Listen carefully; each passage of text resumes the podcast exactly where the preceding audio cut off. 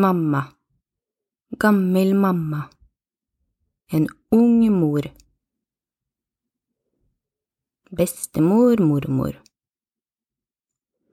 Nei, det er veldig mange følelser og tanker som dukker opp i meg når jeg hører ordet mamma og begynner å analysere og tenke litt rundt mamma, mammarollen og hva det innebærer å være en mamma, og være en mor.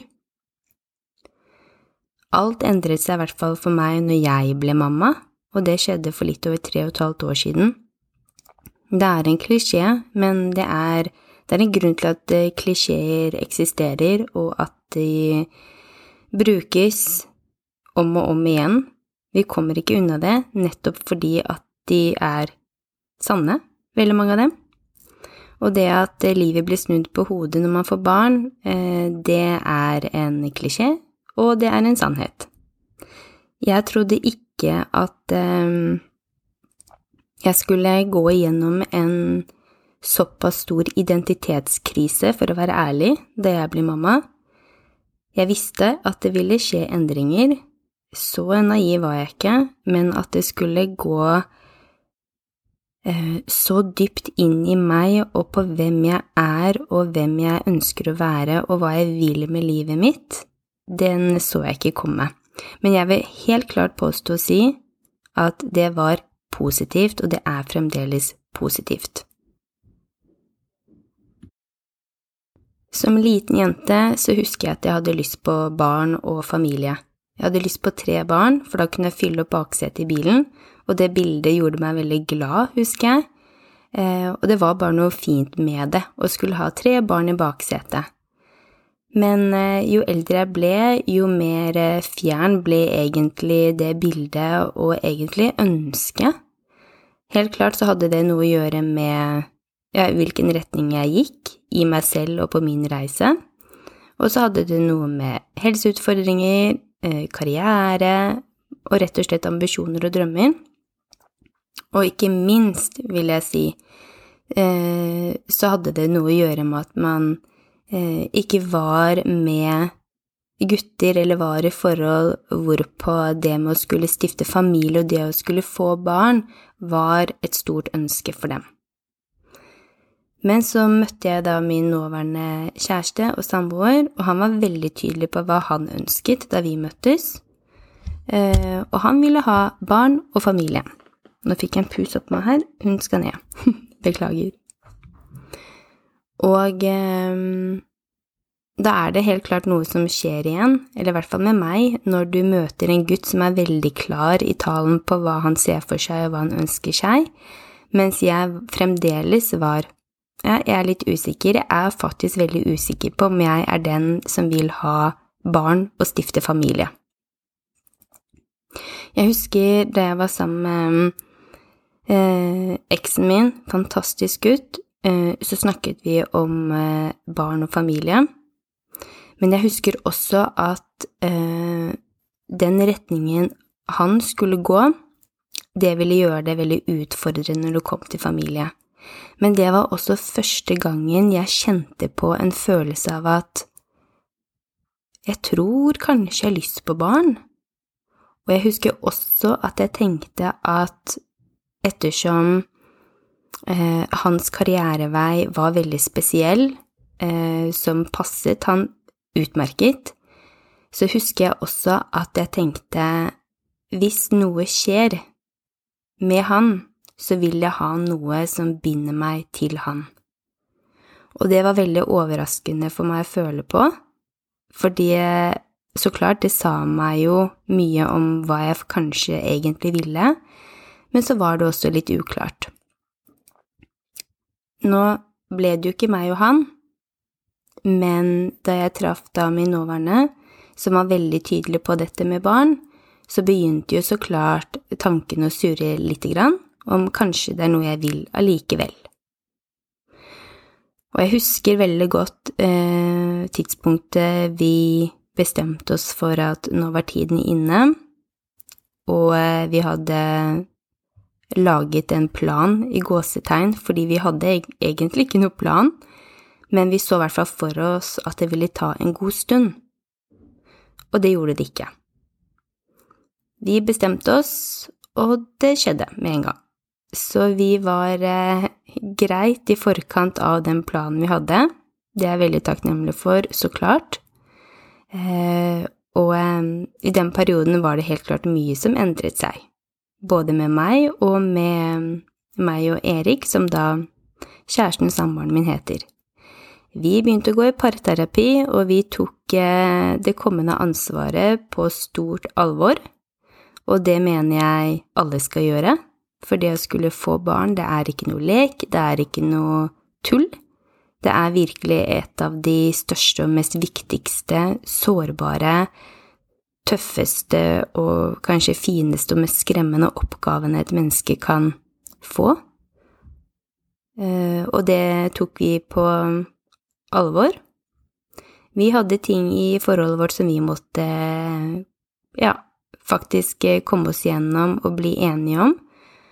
Og um, sånn sett i retrospekt så tenker jeg at jo da, tiden er Tiden var inne, men så er tiden aldri heller inne Eller finnes aldri det perfekte tidspunktet på å få barn. Hvis man har virkelig lyst på barn, tenker jeg, så tenker jeg da må man gjøre det til um, nesten sette det opp på agendaen, for hvis det er ditt uh, livsverk eller ditt største ønske, så aldri utsett det, for du er aldri sikker på om det går, du er aldri garantert på om du vil finne deg en fyr, eller om en jente, eller hva Ja, nå kan man jo gjøre det på alle mulige måter. Eh, men hvis det er et stort ønske, så tenker jeg da skal man være veldig forsiktig med å utsette um, dette med å få barn. Jeg sier egentlig det fordi jeg følte meg ganske heldig og har sett så mange eksempler på hvor vondt det kan være når man virkelig ønsker seg en stor familie, og det ikke blir helt som man hadde planlagt eller sett for seg, og spesielt de historiene jeg hører om, om kvinner, da, men også så klart menn, som har lyst på familie, men som utsetter alt sammen fordi man setter alt mulig annet i forkant, og det tror jeg har noe med å gjøre at vi har fått et bilde av at det er veldig enkelt å skulle få barn, at det er noe alle klarer, eller noe alle får. Eh, men så viser det seg at det er ikke sånn. Det er mye som skal klaffe for at ting skal gå knirkefritt. Så ja, bare en liten Rett og slett en tanke og mening der for jeg vet hvor sårt det kan være, og hvor ønsket det kan være for veldig mange par og enslige. Så har man muligheten, så ville i hvert fall aldri jeg ventet om jeg visste at det var så, et så stort ønske, og um, jeg da hadde hatt alle disse historiene i bakhånd. Men det var ikke det jeg var ikke det jeg skulle bruke dagens episode uh, på. For i dag så har jeg veldig lyst til å prate om nettopp dette med å bli mamma. Jeg startet litt med det, og så begynte bare praten og skravla tankene å gå. Men mer enn det så har jeg veldig lyst til å prate om nettopp det å ta vare på seg selv som mamma og være sin egen mor når man har blitt en mor. For jeg vet ikke med deg, forhåpentligvis, eller jeg skal ikke si forhåpentligvis, men er du mor, du som lytter, så vil jeg nesten garantere at du kjenner på dårlig samvittighet en eller annen gang i løpet av dagen, eller at du har kjent på det en eller annen gang eller flere ganger i løpet av eh, din eh, Ja, i din eh, I ditt mammaliv til dine små. Det har jeg gjort, helt klart, men jeg har også vært den som ikke har kjent på så mye dårlig samvittighet også. Mulig dette er bare min mening og min oppfatning av meg selv, men det er noe i meg, og av det jeg har snakket om med flere venninner som har barn, og flere kompiser som har barn, så er det noe med at jeg sitter med en følelse eller inntrykk av at jeg har um, turt å sette meg selv først. Og det har ikke alltid vært helt lett å skulle på en måte fremme eller snakke om eller vise, fordi som oftest så skal jo man som mamma og kvinne sette alle andre først, og spesielt når man får barn.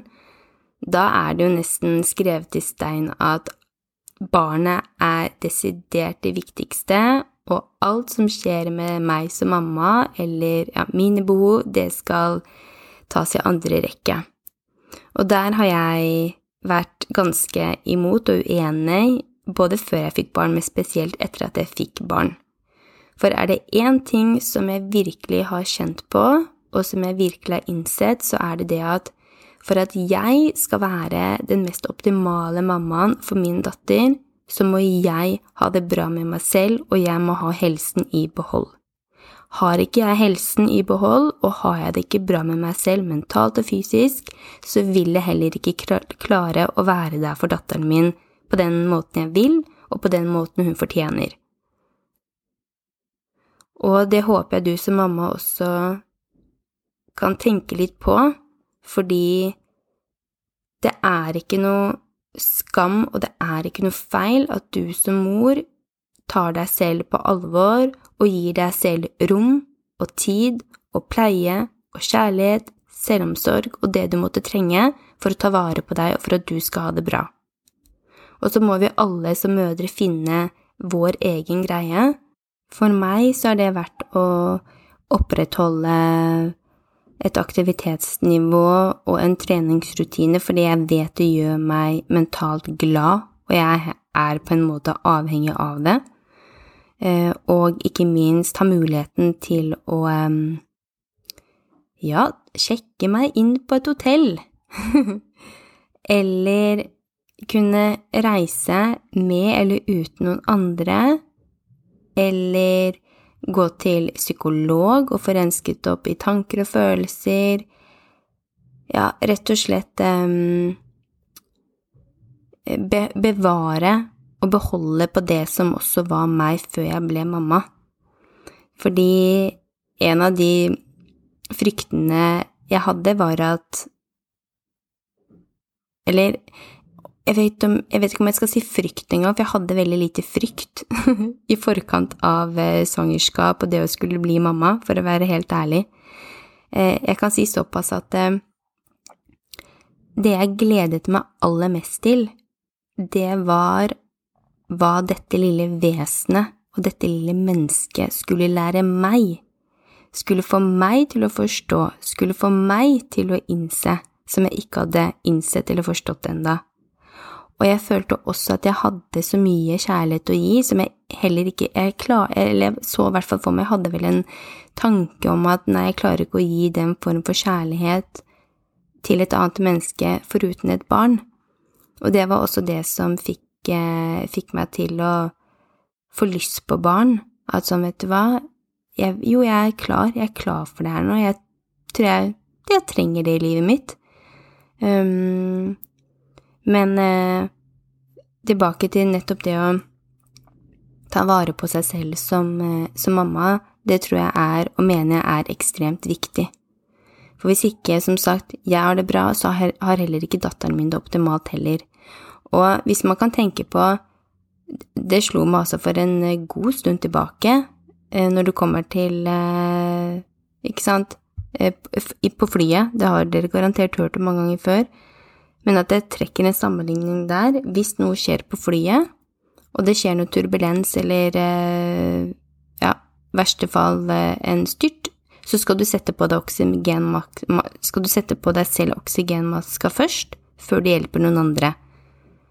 Og for meg så ble det bare så fint bilde, spesielt etter at jeg ble mamma, fordi er det noe datteren min er helt avhengig av, så er det meg og pappaen hennes.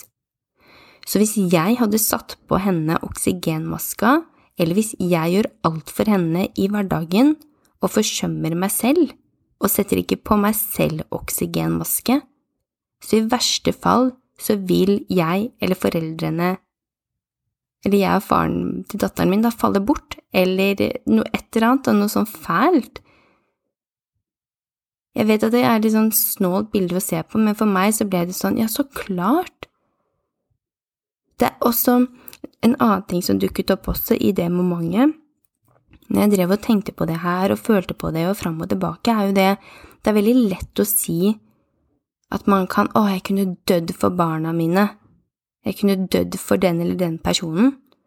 Men hva jeg etter hvert bare innså, det er sånn Jo, jo, det, men det er en veldig enkel utvei på en måte. Å dø fra noen, å dø bort, og bare forsvinne. På en måte, hvis du skjønner hva jeg mener.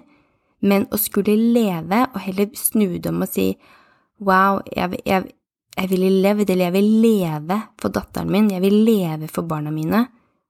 Det er så mye mer.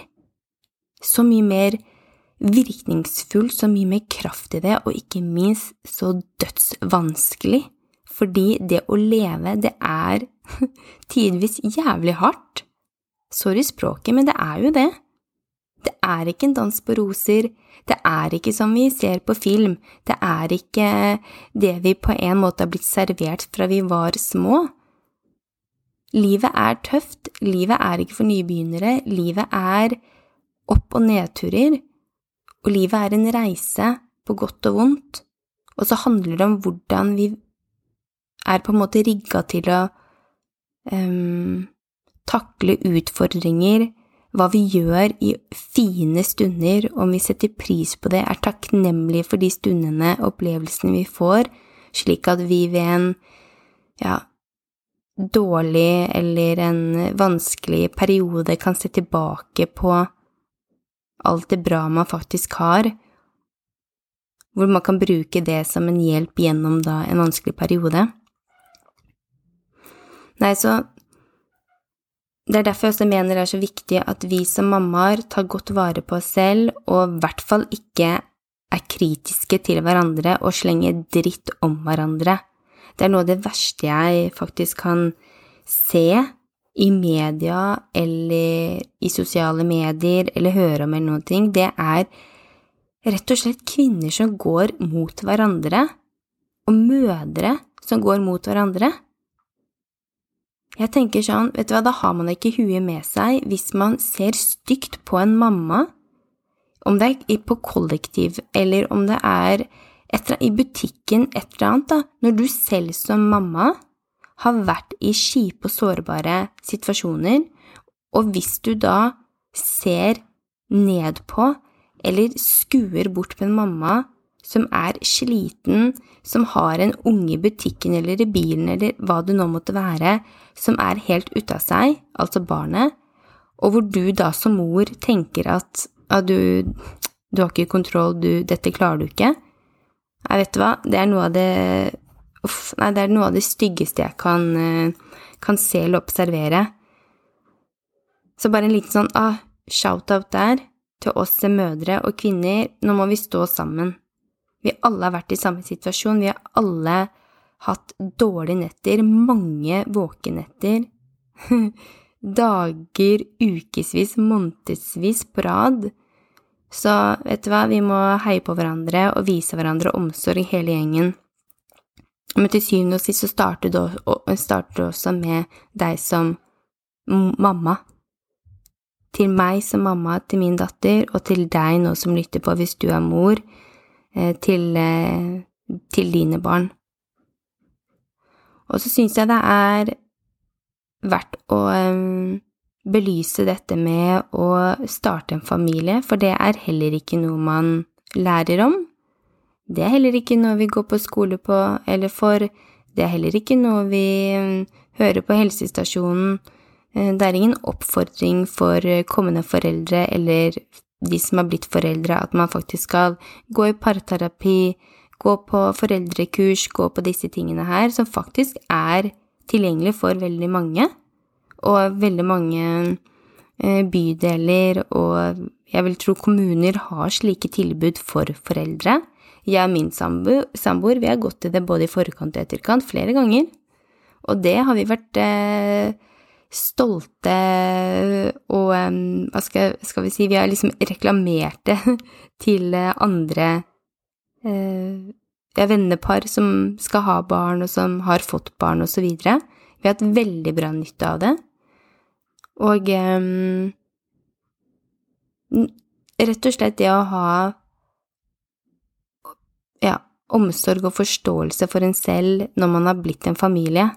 Det gjelder jo begge par, men jeg tror også sånn spesielt som med mødre at eh, at vi må vi må ta, hva skal man si, makten Eller makten blir litt feil å bruke Jeg vil ikke bruke egentlig ordet makt, men jeg vil si heller positiv, feminin, god, powerful energi tilbake og kreve vår plass og kreve vår rett til å skulle være mamma og skulle være oss selv oppi alt.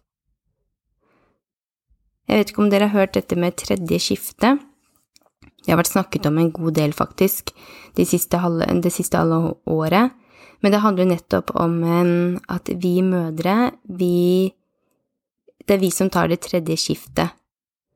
Det vil da egentlig si at eh, vi går konstant og tenker på og koordinerer og planlegger, skriver ned og husker på alt som skal gjøres i en familie og det er ikke lite. Jeg tenker på meg selv at jeg, jeg har ett barn, og jeg syns det holder i massevis, fordi jeg har fremdeles ting jeg har lyst til å oppnå, ambisjoner og ja, det som er, og bare det, det, nettopp det, det lille som kommer med det å skulle ha barn i forhold til kanskje flere, eller så er det sikkert noen som vil mene at nei, da når man har flere barn, så på en måte har man gått gjennom runden, og da er det, da er det veldig enkelt. Men man, uansett så ser man jo på arbeidsfordeling hjemme, og hvem som av mor og far som faktisk tenker på og har den største oversikten. Og mye tror jeg helt klart ligger i oss kvinner og mødre, at vi bare har et sånn type gen. Eh, og det skal vi på en måte bli applaudert for, og det skal vi på en måte se på som noe positivt i og for oss selv òg. Men samtidig så har vi blitt eh, arbeidskvinner. Vi jobber, vi også, og vi har også ambisjoner og drømmer. Og eh, hvorfor skal det være da slik at vi må sette ting på vent, eller vi må Eller vi blir kritisert, eller vi blir nesten halshugd hvis vi følger drømmene våre, eller krever at vi skal ha hjelp i hjemmet? Det syns jeg også er veldig interessant å tenke på, og um, i hvert fall hjemme hos oss så er det sånn at da prøver vi å dele på veldig mye av ansvaret, men det er fremdeles mye som eh, ligger på meg som mamma, og det er nettopp derfor det er så viktig at du og jeg og vi mødre tar oss tid og ja, gir oss selv rom for å slappe av og for å gjøre de tingene som som gjør oss glade. Det er så ekstremt viktig, for ikke bare får vi det bra og godt med oss selv, men vi vil jo få det mye bedre i parforholdet, vi vil få det bedre i rollen som mamma, vi vil mest sannsynlig være en bedre utgave av oss selv for de rundt oss, fordi har man ikke helsen, har man ikke energien, så klarer man jo heller ikke å være der for de rundt oss.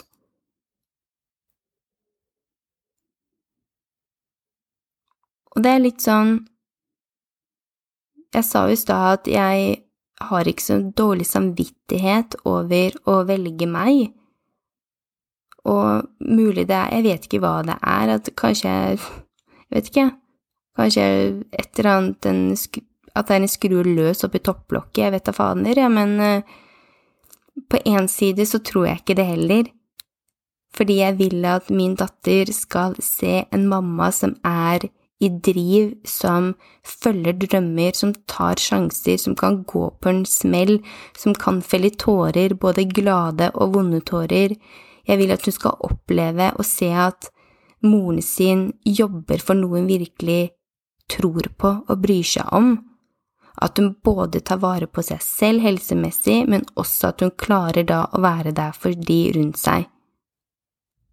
Og det er en veldig motivasjon i, i meg for å gjøre det jeg nå gjør, og for at, at jeg har tatt de valgene jeg har tatt. Og så er det så klart ikke å stikke under en, um, under en stol at Eller under et teppe, eller hva man nå sier, at man får veldig mye selvinnsikt ved å ha gått gjennom depresjoner og utladethet. Det er mye som skjer i en sånn type healingsprosess, og jeg er faktisk veldig takknemlig for at jeg har gått gjennom det. Jeg har hatt et par runder før jeg fikk barn, og en gang nå etter at jeg ble mamma, det var jo i fjor, som var den største og mest øh, grusomme opplevelsen jeg noen gang har hatt men jeg visste jo også innerst inne at det skjer for en grunn, og det skjer også fordi jeg har eh, forsømt meg selv. I altfor lang tid, i altfor mange år, så har jeg ikke hatt motet eller våget å ta sats. Jeg har ikke lyttet til meg selv. Jeg har satt kjærester, jeg har satt andre, og andre i den forstand om det er vennskap eller spesielt jobb, foran meg selv og det gjorde meg faktisk helt død innvendig, og det er ikke riktig. Og når man da har opplevd det og kommet seg opp på banen igjen, og er klar til å leve livet og klar til å satse, så vil man ikke komme tilbake dit, og man har fått med seg en fantastisk innsikt og en lærdom som man ikke ville vært foruten, men som man da kan bruke for å skape den fremtiden som gjør en glad, da, og som gjør meg glad.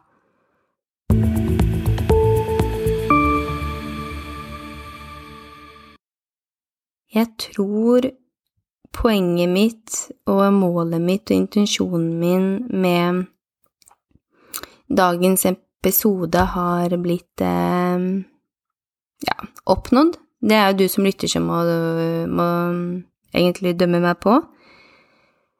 Men eh, jeg hadde bare et behov om å skulle dele litt rundt dette, både med mammarolle og samvittighet og det å sette seg selv først, fordi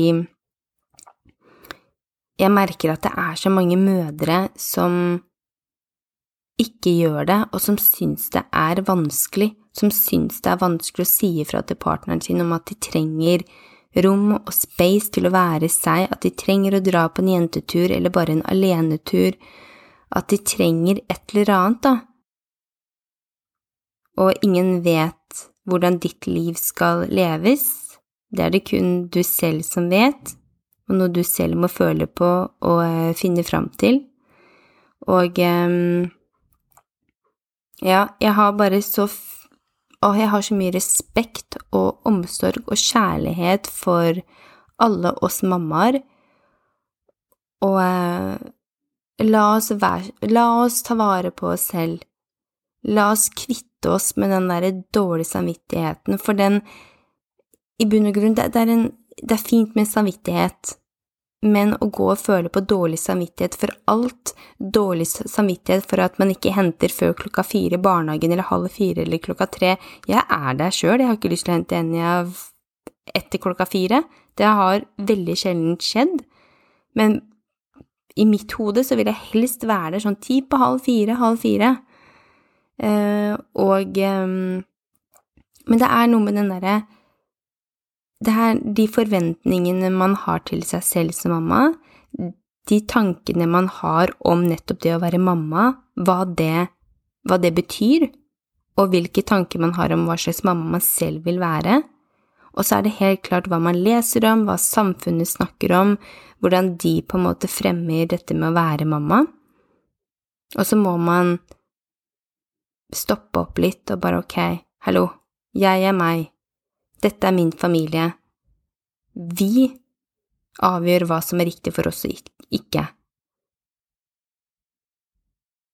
Og da må vi som kvinner også, og mødre, stå opp og fram og si hva vi trenger, for at vi også skal komme lenger i denne prosessen med å være sunne forbilder for barna våre. Jeg håper denne episoden ga deg noe å tenke på, Hvis ikke, det er også helt greit. Og eh, er du mamma nå, og um, ja, gjør noe godt for deg selv i dag. Ta den sjansen om å si at det er noe du har lyst til å gjøre som du vanligvis ikke gjør, som du vet selv gir deg masse glede. Om du så er å gå den tur Ja, ikke sant, gå inn, eh, leie deg, booke deg inn på et hotellrom for en natt eller to. Jeg har gjort det. det er veldig deilig. Og så, det beste med det, faktisk, er jo nettopp det at du kjenner på et så dypt savn. Og det er godt. Det, det er veldig godt. At du kan sitte der og skrive, lese, se på TV, bare få totalt ro og hvile og total stillhet, og så føler du på at sånn wow, jo da, jeg er privilegert som har muligheten til å gjøre det her, men fy søren så godt det er å ha det der. Så ja, før jeg bare lar skravla begynne å gå videre, så avslutter jeg her. Jeg ønsker deg en fantastisk fin dag. Ta vare på deg selv, og gi deg en stor, stor klem. En stor digital klem fra meg til alle oss og fine, fantastiske, sterke, modige mødre der ute. Vi er råe.